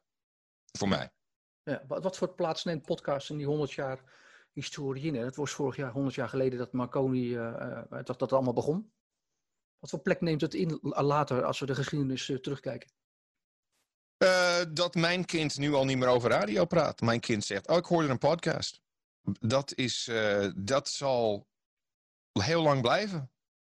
Dus ik, ja, ik, waar heb je het gehoord in een podcast? Je zal het niet meer zo vaak horen. Ik hoorde het op de radio. Jaap Reesema maakt samen met zijn jeugdvriend Sander Schimmelpenning de podcast Zelfspodcast. Daarover zei hij in het programma van Humberto Tan op 21 augustus 2020 op NPO Radio 1 dat de podcast in de kinderschoenen staat. Een fragment. Wij hebben ook een, we hebben een eigen community. Dat, zijn, dat is echt uh, bizar. Maar we hebben de luisterkinders. Dat zijn mensen die krijgen wat extra content. Die betalen daar wat voor. En wij wat betalen dan, ze? Uh, uh, ja, money. Berto, wat ben je toch een zakenman? Jeez. Wat betalen Berto, ze en hoeveel ook, mensen zijn jij dat? moet ook een podcast. Dat kun je bij ons doen. Dan krijg je ook je community. Dat is hartstikke mooi. Dat is heel lucratief. Berto wil gewoon cijfers. Gewoon ja, Luister, je kan praten wat Ja. je wil. Ik wil cijfers. Ja, nou nee, wij hebben een paar duizend man. En die betalen, eh, de ene, de, je hebt luisterkinders 4 euro. En, en, en de uh, super die betalen 8 euro. Dat zijn mensen die zitten bij ons in, uh, ja, in die community. En die krijgen daar ook allemaal dingen voor. Maar we, we ja, extra Oh, content. oh, oh. Ja. 8 euro? Ja, maar dan krijg je, zit je ook met ons in de Telegram-chat. En dan hebben we Maar allemaal wacht even, ja. Dus jij, wacht even. Ho, ho, ik ga eventjes analyseren. Ja. 100.000 luisteraars ongeveer. Ja, maar we hebben geen, we Nee, hebben geen 100.000 ma- Dat snap community. ik. hè, want Dan, had ik, Dan heb je nog een paar daarvan die gaan betalen dus tussen de Nee. 4 en de 8 euro. Dus gemiddeld Ja. 6 euro. Ja. Gemiddeld. Ja. Dat betekent dat je dus makkelijk op een omzet zit van een kleine 3 tot 6.000 euro per maand. Ja, dat, dat sowieso, ja. Met een podcast. Ja, nee, maar dat is het. het, het podcast- wat doe jij hier nog? Nee, maar de podcast is heel lucratief. Daarnaast is ook adverteren best lucratief. Want je kan, eh, of in ieder geval goed voor, voor adverteerders. Je hebt natuurlijk een, een publiek, wat onze doelgroep, die bereik je heel moeilijk. Die kijken geen tv, die luisteren dat ook echt. Hè. Die gaan, zijn forensen, die gaan, gaan een uur in de auto zitten of in de trein. Dus die, dat is best wel interessant hoor. De podcastwereld is echt, ja, dat staat hier nog een beetje in de kinderschoenen. Als hij dan zegt podcast staat nog in de kinderschoenen, is dat de, de, de Nederlandse kneuterigheid en het kleindenken? eh, Of wat is dat? Ehm, Oké. Als je het hebt over eh, netwerken en, eh, en inkomsten. Ja, dan staat het in de kinderschoenen. Ik, ik weet overigens niet of, of in de toekomst. eh, dezelfde medialandschappen en budgetten zullen hebben. Zeker niet nu ehm, de eh, televisieland heeft eh, ontdekt hoe makkelijk het is om iets eh, vanuit huis te maken. Met een redelijke standaard. Maar ehm, podcasting is bedoeld als kinderschoen. En daarmee bedoel ik dat je de schoen aantrekt. Ik, wil dat ieder kind die iets te zeggen heeft, heel makkelijk een podcast kan opzetten. Dus opnemen, eh, gooi het in een appje eh, en boem, het werkt. En je vriendjes kunnen het meteen, niet eh, door de Gestapo of de censuur. Nee, meteen kunnen ze allemaal abonneren en luisteren. En wat er uit de nieuwe groep, mm, mag ik gewoon zeggen, podcastmakers of audio designers, wat er gaat komen, kan ik me niet bedenken. Daar ben ik te oud voor, ik heb geen idee. En het feit dat ze alles in handen hebben om net zover rijkwijde te hebben, net zoveel technische trucjes uit te kunnen halen als NPO of als de BBC of als wie dan ook, dat is het punt. Dat is het punt. En of ze daar nou geld mee verdienen, is, is niet het probleem. Eh, eerst moet iedereen dat net zo makkelijk als. En tegenwoordig. eh, kinderen die denken. Die, als je iemand zegt: wat is het internet? Zeggen ze nou Facebook, Twitter, Google, podcast misschien. YouTube, Instagram. Dus die, die kinderen die kennen alleen maar apps. Eh, en, en, en hoe je eraf geflikkerd wordt en hoe je, wel, hoe je om dingen heen moet zeilen. Ik wil dat ze de vrijheid proeven. Hey, ik kan doen wat ik wil. Er is niemand die zegt of ik wel of niet hierbij hoor, of dat ik wel of niet eh, eh, eh, in, in de lijst mag staan. Fuck that. Dat is waar het om draait. En dan komt vanzelf boven wat populair is in bepaalde categorieën of genres. En, en er zijn, ik bedoel, nu met crypto is het genoeg manieren om daar geld aan te koppelen. Ehm, het, het- alleen, ja, m- je moet beginnen met de basis. Dat, dat is wat ik aan het doen ben. Dus die basis, die moet er zijn. En dan zijn het kinderschoenen die je aantrekt en aan jou om te groeien. Dit is een podcast van Spreekbuis.nl. Mediajournalist Peter Schavenmaker in gesprek met potvader Adam Curry. At top of the hour, I'm gonna go home. And then it's Adam Curry. In the morning.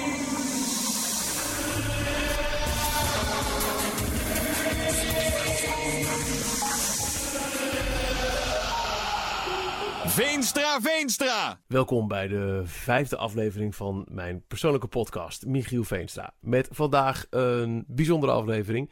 Uh, ik had hier al een uh, poosje op gehoopt. Uh, het is ook gelukt. Ik moest heel eventjes wachten op een verhuizing aan zijn kant.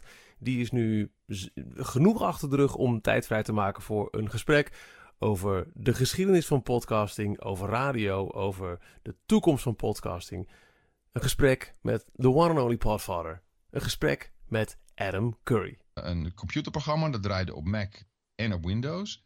En het heette Radio Userland. En dat was eigenlijk twee dingen in één. Het was een, een weblog client. Dus je kon een weblog maken. Uh, wat ook een, een RSS-feed genereerde. Maar er zat ook een aggregator in. Dus je kon ook uh, je abonneren op weblogs en dan uh, ja, je eigen nieuwsfeed als het ware maken. Wat, je, wat tegenwoordig vrij normaal is, wat je ziet in Twitter of Facebook. Um, en ik begreep vrij snel wel hoe dat allemaal werkte onder de motorkap. Maar ik, ik had een idee, je moet even weten dat in 2000 toen hadden we kabelmodems. En die kabelmodems werden niet verkocht als breedband. Nee, die werden verkocht als uh, altijd aan. dus je hoeft in ieder geval niet meer in te bellen. Het was altijd aan. Altijd kon je zo op het internet. Oh, oké. Dat is waar. Ik, ik, weet dat ik dat, dat is ook zo thuis aan mijn meisje verkocht. Van dat doen we. Want dan komt het. Als er mail is, is het er gelijk. Ik, ja, de, de always en, on was echt. Ja, precies. Wow. En, en, en nou heb je precies wat ik toen zag. Is dat nou. Het, uh, de, de experience van op een video klikken en dan 10 minuten wachten, want het duurde minstens 10 minuten voor 30 seconden video. Mm -hmm. Dat was natuurlijk geen ervaring. Uh, ik dacht, nou, maar dat ding is de hele dag en nacht aan. Net als je e-mail, want dat is eigenlijk een perfect voorbeeld. Um, waarom kan ik niet een of ander programmaatje hebben wat gewoon op de achtergrond draait en uh, onzichtbaar is voor de, voor de gebruiker? En op het moment dat hij ziet, oh, hier is een, uh, een film of een video. Het ging in mijn, in mijn hoofd op dat moment nog een video. Als er een videootje klaar is, dan download ik hem. Stiekem in de achtergrond. En als ik hem binnen heb, dan zeg ik tegen de gebruiker: hey, hey, hey, ik heb iets. En dan klikt hij erop en dan, oh, heb je gelijk een goede ervaring. Want dan speelt het gelijk.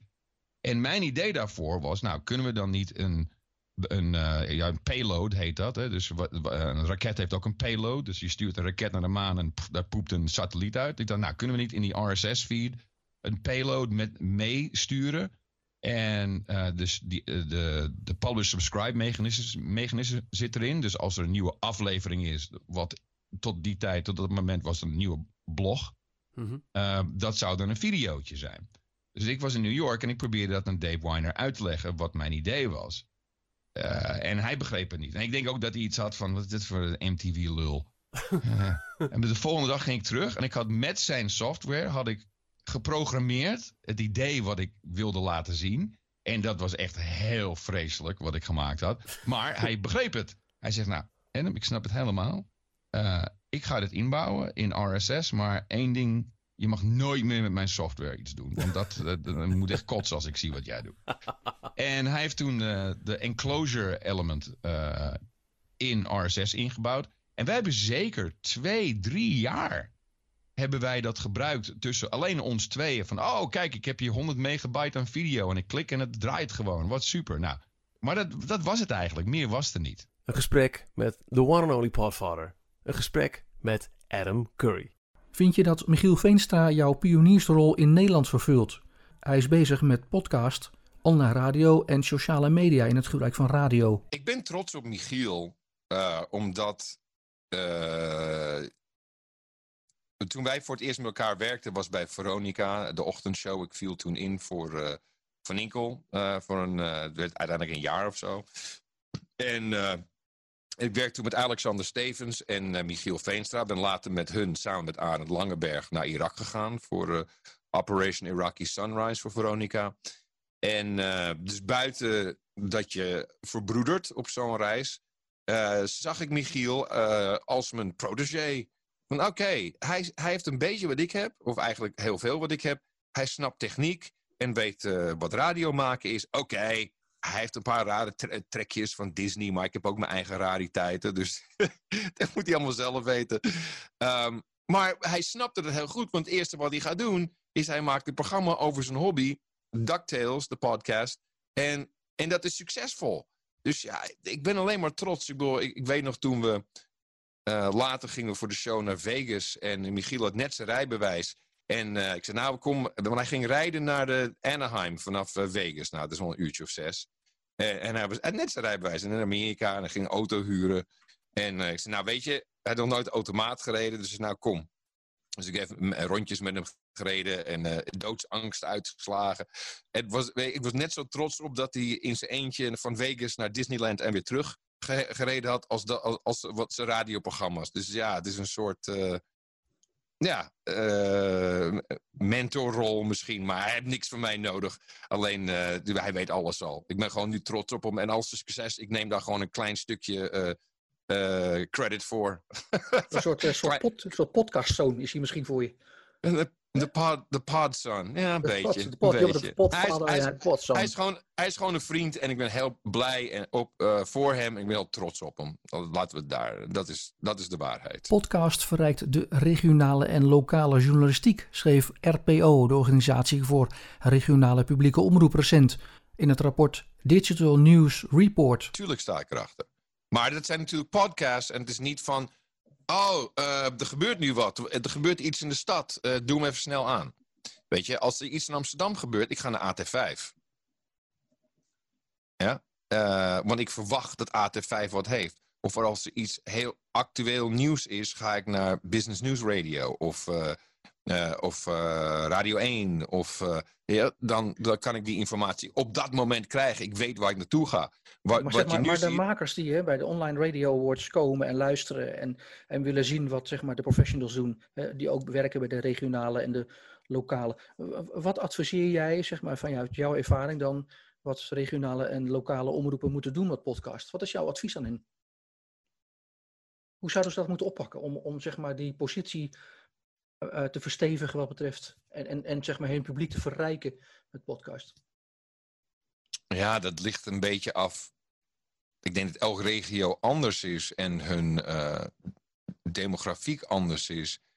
Maar ik zou ja, alles oriënteren. Ik, ik heb liever een, regionale omroep die, die tien verschillende podcasts heeft. Eh, en een paar algemene, weet je wel? Eh, ik denk dat ze het uit moeten breiden en, en meer specifieker kunnen maken. Zodat mensen dieper in kunnen gaan. Eh, of, en hier hou ik heel erg van, is je hebt je radiosignaal, je hebt je dingen, maar oh, dit gesprek die wat we net hadden, je kan nu anderhalf uur luisteren naar die persoon op de podcast. Dat, dat zijn dingen, dat mis ik heel erg. En nee, ik moet naar een Rogan of ik moet naar iemand anders om de- die persoon. Terwijl de, de, de journalisten die eh, betaald kunnen worden om, eh, om dat werk te doen, die doen maar tien minuten. Dus de, dus de verdieping, meer kiezen voor de verdieping.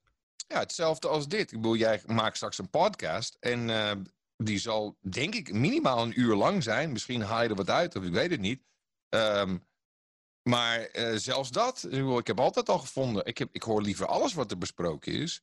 Eh, en dat ik dat op mijn eigen houtje kan doen als ik wil. Ik mag nou de highlights geven. Maar ja, dat is, ja, dat is natuurlijk... eh, een voorbeeld. Rogan heeft een licentiedeal deal gedaan met Spotify, maar voor zijn hele catalogus. Dus niet alleen maar voor, voor nieuwe afleveringen, voor de catalogus. Dus dat, dat geeft aan de waarde van zijn podcast. Ook oude afleveringen. Is, is het voor Nederland goed dat de NLO, de, de luisteronderzoek, nu eindelijk ook gaat kijken, onderzoek gaat eh, doen en meten naar podcast? Je maakt Ja. dat zeg maar, het, het, zeg maar eh, hè, zoals Sander de Heer zegt op zijn website, eh, het- dat is nodig om de, om de podcast definitief uit het hobbyhoekje te krijgen. Nou, eh, het zit niet in een hobbyhoek. Het is gewoon bullshit. Eh, welke Nederlandse radiomaker heeft een contract van 100 miljoen dollar gekregen? Oké, niemand.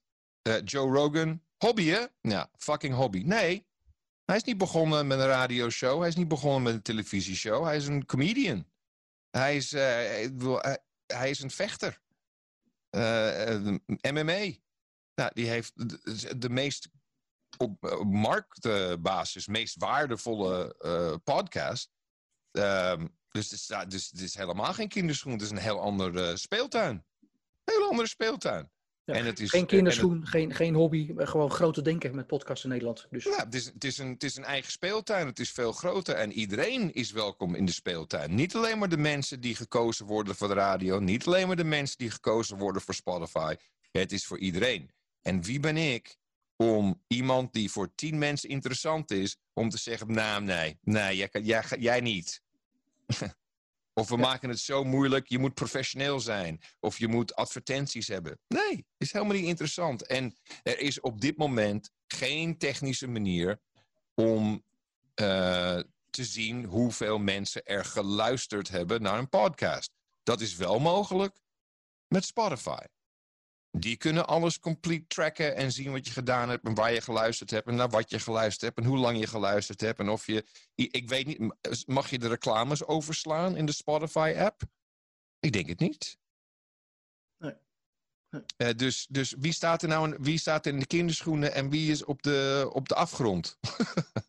Dus No- Norm Pettis hè, van Podcast Network zegt ook in datzelfde Lunchbox, eh, dat eh, blad, dat magazine, sommige succesvolle podcasts zouden nooit hun weg vinden als format op de radiostation. Daar heeft hij gelijk in. Ja, 100 procent. Het is, het is een, eh, nogmaals, het is een heel ander speelveld. Eh, ik ben trouwens geen voorstander van podcast networks, eh, maar niemand vraagt mij ooit naar mijn, naar mijn mening. Ik heb de eerste commerciële opgezet, heb daar eh, 50 miljoen dollar investering eh, voor opgehaald en ingezet. Het is uiteindelijk niet geworden wat ik dacht dat het zou worden, omdat het niet werkt. Eh, het is, het is, dit zijn onafhankelijke eilandjes, podcasts. En Maar dag, maar dag en nacht media, staan. ja, maar dag en nacht media en, en PodNL, hè, dat zijn twee grote Nederlandse podcastplatforms. Mhm. Wat, wat vind je daarvan? Van? Want die zijn wel succesvol. Ze hebben wel veel bereik. En, Ja, maar wat voor bereik hebben ze nou? Ze zijn alleen maar net zo succes. Ze zijn nu net hetzelfde als Spotify. Dus zij bepalen binnen hun groep wie, wie de advertenties krijgt. Zij bepalen wie. eh, dit is een, een ellende. Zij bepalen wie bepaalde dingen wel of niet mogen doen. Of wie er wel of niet bij mag. Eh, dat is niet interessant. Eh, ik begrijp ook niet waarom mensen dat willen. Je je hebt niemand nodig. Je moet gewoon aan je publiek vragen: steun me. Steun me. Dat is het enige. Het is, het is een hele rare vraag. Maar eh, als iemand eh, begint met een podcast en denkt, nou, ik ga het maken aan reclames en eh, ik integreer met, een, met een advertentienetwerk en die rollen advertentietjes erin. Veel plezier. Eén of twee zullen daar succes mee hebben en de rest zullen verdrietig zijn. Want ik heb het allemaal, ik heb het allemaal een keer gedaan. Ik heb het gezien. Ik weet, het werkt niet, omdat adver- het advertentiemodel model staat haaks op de vrijheid die je hebt om te zeggen en te denken en te doen wat je wil in, in je eigen podcast. En dat betekent niet dat het eh, illegaal of niet door de beugel kan. Het kan alleen al zijn dat je eh, over iets praat wat kan concurreren met je adverteerders. Dat, dat ben je al niet vrij. Dit is een ander soort denken. Die, eh, die barrières die, die wij allemaal hebben als radiomensen, en die, vandaar, die is het kunnen goed, eh, wegvallen. ja, vandaar is het goed dat die index ook, eh, dat je daarmee bezig bent. Hè? Ja. Podcastmaker Herbert Codé, radiopodcast en de serie Founding Fathers vroeg zich in die podcastserie af waar de radio staat in 2025. Wat is het antwoord hierop van Adam Curry? Eh, ik ben altijd veel te vroeg met, eh, met alles. Daarom, ben ik nooit miljardair geworden, omdat ik alles tien jaar te vroeg. ik zie tien jaar vooruit en ik begin altijd te vroeg. Ehm, ja, radio heeft zijn plaats, maar ehm, het, ligt er een beetje aan wat je onder radio verstaat nu. Hè? Wat, wat is radio? Eh, eh, De technische definitie. Nou, we zien alleen al aan, eh, aan eh, NPO 5 dat, ja, wat is nou radio? Is dat een zender? Nee. Ja. Is DAB? Is dat radio? Is streaming radio? I don't know. Wat, wat, wat, wat versta je onder radio? En dan misschien kan ik het beantwoorden. Of heb je het puur over audio luisteren in het algemeen? Het ouderwetse lineaire. Radio is altijd, wat mij betreft, een lokaal medium geweest. Ehm, Nederland was eigenlijk één. eh, dus lo- eh, de, de Nederlandse eh, zenders, publieke zenders zeker. Uh, ja, Nederland wordt door hun gezien als één community, als één gemeente, als, als één geheel. En wat we zien natuurlijk is dat het heel anders is buiten de Randstad als de Randstad. Uh, er is zelfs uh, wat strubbelingen, die zijn er altijd wel geweest, maar ik denk dat het steeds erger wordt. En, uh, en wat je ziet is steeds meer behoefte aan iets lokaals. En daarom heb je ook lokale omroepen. Daarom waren radiopiraten zo populair. Omdat ze door het gebrek aan, aan zenderbereik per definitie een, een lokale zender waren. Uh, maar met veel liefde. Mensen die uh, zelfs de, de meest verschrikkelijke programma's met veel galm en uh, Toos. Ook dat is gewoon legitiem lokale radio, wat mensen te gek vinden. Um, de noodzaak voor een live lineair iets is er denk ik altijd. Mijn gevoel zegt me dat er een kloof is tussen de programmamakers die iets lokaal willen maken en het platform internet. Uh, voor, voor live uh, lineair. Als je begrijpt wat ik bedoel. Dus iemand, iemand die, die, uh, die iets alleen maar voor zijn dorp wil maken. Uh, op het moment dat dat op het internet is, dan horen meer mensen dat. en, uh, en het verandert al vrij snel van geografische uh, lokaliteit. Dat is gewoon, dat, dat, dat, komt door de mensen die kunnen luisteren. Die dan, het is moeilijk. Ah, fuck, ik weet het niet. Ik weet, ik, ik, lineair uitzenden, ja. Lokaal lineair uitzenden, ik hoop dat dat blijft. Laat het zo, laat het zo zeggen. Dat kan natuurlijk met het internet. Dat kan natuurlijk streaming naar de auto. Um, dat is, het is nog voor mij de vraag of de uh, automakers um, of zij dat allemaal echt gaan inbouwen. Uh, of dat we continu ons apparaat aan de Bluetooth moeten connecten. Dat is, dat is eigenlijk de laatste stap. Hè? Wat, wat, wat wordt de interface in de auto? Hier hebben we dan uh, Sirius XM. Dus we hebben satellietkanalen. En dat wordt nu eigenlijk standaard bij, uh, uh, bij, uh, bij je auto geleverd. Je kan het activeren of niet. Um, veel hebben nu ook tune-in radio erin zitten. Um, dus het ligt een beetje aan het interface. En wat mij betreft is radio lineair door de lucht is alleen nog maar voor de auto. en voor nergens anders. Ik vroeg aan Adam Curry wat zijn rol wordt als jurylid tijdens de Online Radio Awards op 6 oktober. Waar ga je op letten? Wat wil je doen? Wat wordt je rol als jurylid? Uh, je hebt geen tijd om ik... al, die, al die lijstjes af te werken, toch? Lijkt me. Nou, ik, uh, ik, ik beluister alles, in ieder geval wat, zeker. Um, en dat moet ook wel. Ik ben natuurlijk bekend met een paar. Maar um, ik, ik vind dat het. Uh, ik wil graag legitimiteit brengen aan de awards. Um, net zoals ik door dezelfde groepen in Nederland. dat zij mij legitima legitimatie hebben gebracht met, uh, met, de, met de Marconi Award. Uh, ik vind gewoon dat, uh, dat als je dat vragen en ja, dat je dat gewoon moet doen. En dat is niet voor mij, maar dat is voor de volgende generatie of de volgende club of wat dan ook. En, en, en ik voel me vereerd. En ik hoop dat ze me blijven vragen. Ja. Het thema groei, het laatste vraag. Wat, wat is het advies aan de nieuwe generatie van de potvader wat betreft groei en podcast? Begin. Begin. Begin. Waar maak je veel fouten, maak veel fouten, zei je. Nee, wat, wat, zijn, wat zijn fouten? Weet je, begin. De is, dat is het mooie. Alles wat je, wat, wat je misschien gezien hebt, kan je anders doen.